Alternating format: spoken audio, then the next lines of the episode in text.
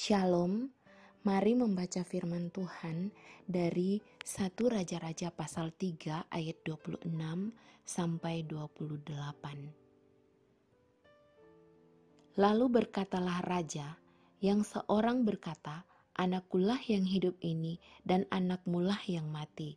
Yang lain berkata, bukan, anakmulah yang mati dan anakkulah yang hidup. Sesudah itu raja berkata, ambilkan aku pedang Lalu dibawalah pedang ke depan raja. Kata raja, penggala anak yang hidup itu menjadi dua, dan berikanlah setengah kepada yang satu dan setengah lagi kepada yang lain. Maka kata perempuan yang empunya anak yang hidup itu kepada raja, sebab timbul belas kasihannya terhadap anaknya itu, katanya, Ya Tuanku, berikanlah kepadanya bayi yang hidup itu. Jangan sekali-kali membunuh dia. Tetapi yang lain itu berkata, supaya jangan untukku ataupun untukmu penggala. Tetapi raja menjawab katanya, berikanlah kepadanya bayi yang hidup itu, jangan sekali-kali membunuh dia, dia itulah ibunya. Ketika seluruh orang Israel mendengar keputusan hukum yang diberikan raja, maka takutlah mereka kepada raja, sebab mereka melihat bahwa hikmat daripada Allah ada dalam hatinya untuk melakukan keadilan. Demikian firman Tuhan.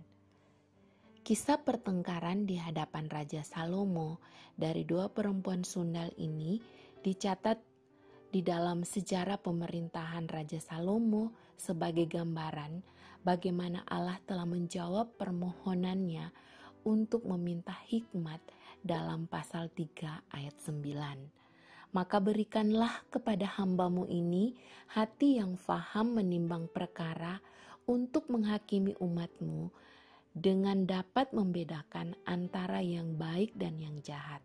Sebab siapakah yang sanggup menghakimi umatmu yang sangat besar ini?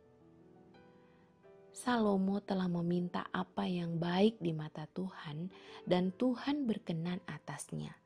Ia tidak meminta umur panjang, kekayaan, atau nyawa musuhnya. Demikianlah Alkitab mencatat. Hikmat dari Allah ada dalam hatinya untuk melakukan keadilan. Kisah pertengkaran kedua perempuan itu diselesaikan dengan penuh hikmat oleh Salomo dan seluruh rakyat menjadi takut kepadanya. Hikmat dari Allah menyelesaikan kerumitan persoalan tersebut. Dalam kehidupan kita, kita mungkin saja bertemu dengan persoalan-persoalan rumit di mana harta, kekuasaan, atau apa yang ada pada kita tidak dapat menyelesaikannya. Kadangkala masalah kita bukanlah kurang uang, bukanlah kurang fasilitas, ataupun sumber dayanya sedikit, tetapi hikmat untuk menjalani hidup ataupun melayani Tuhan dalam setiap situasi itu yang kita butuhkan. Seperti Salomo, kiranya kita selalu meminta hikmatnya, ditandai dengan menyadari bahwa tanpa Tuhan kita tidak bisa berbuat apa-apa. Hikmat dimulai dengan takut akan Tuhan, Demikian dalam Amsal 1 ayat 7. Kiranya sumber daya, kapasitas, pengalaman-pengalaman, keberhasilan-keberhasilan tidak melemahkan sikap hidup yang mencari kehendak Tuhan. William Carey, seorang misionaris terkenal yang melayani di India, pernah berkata bahwa saya tidak takut gagal, justru saya takut untuk keberhasilan dalam hal-hal yang tidak penting. Kiranya Tuhan menganugerahkan hikmatnya bagaimana kita hidup memuliakannya. Amin.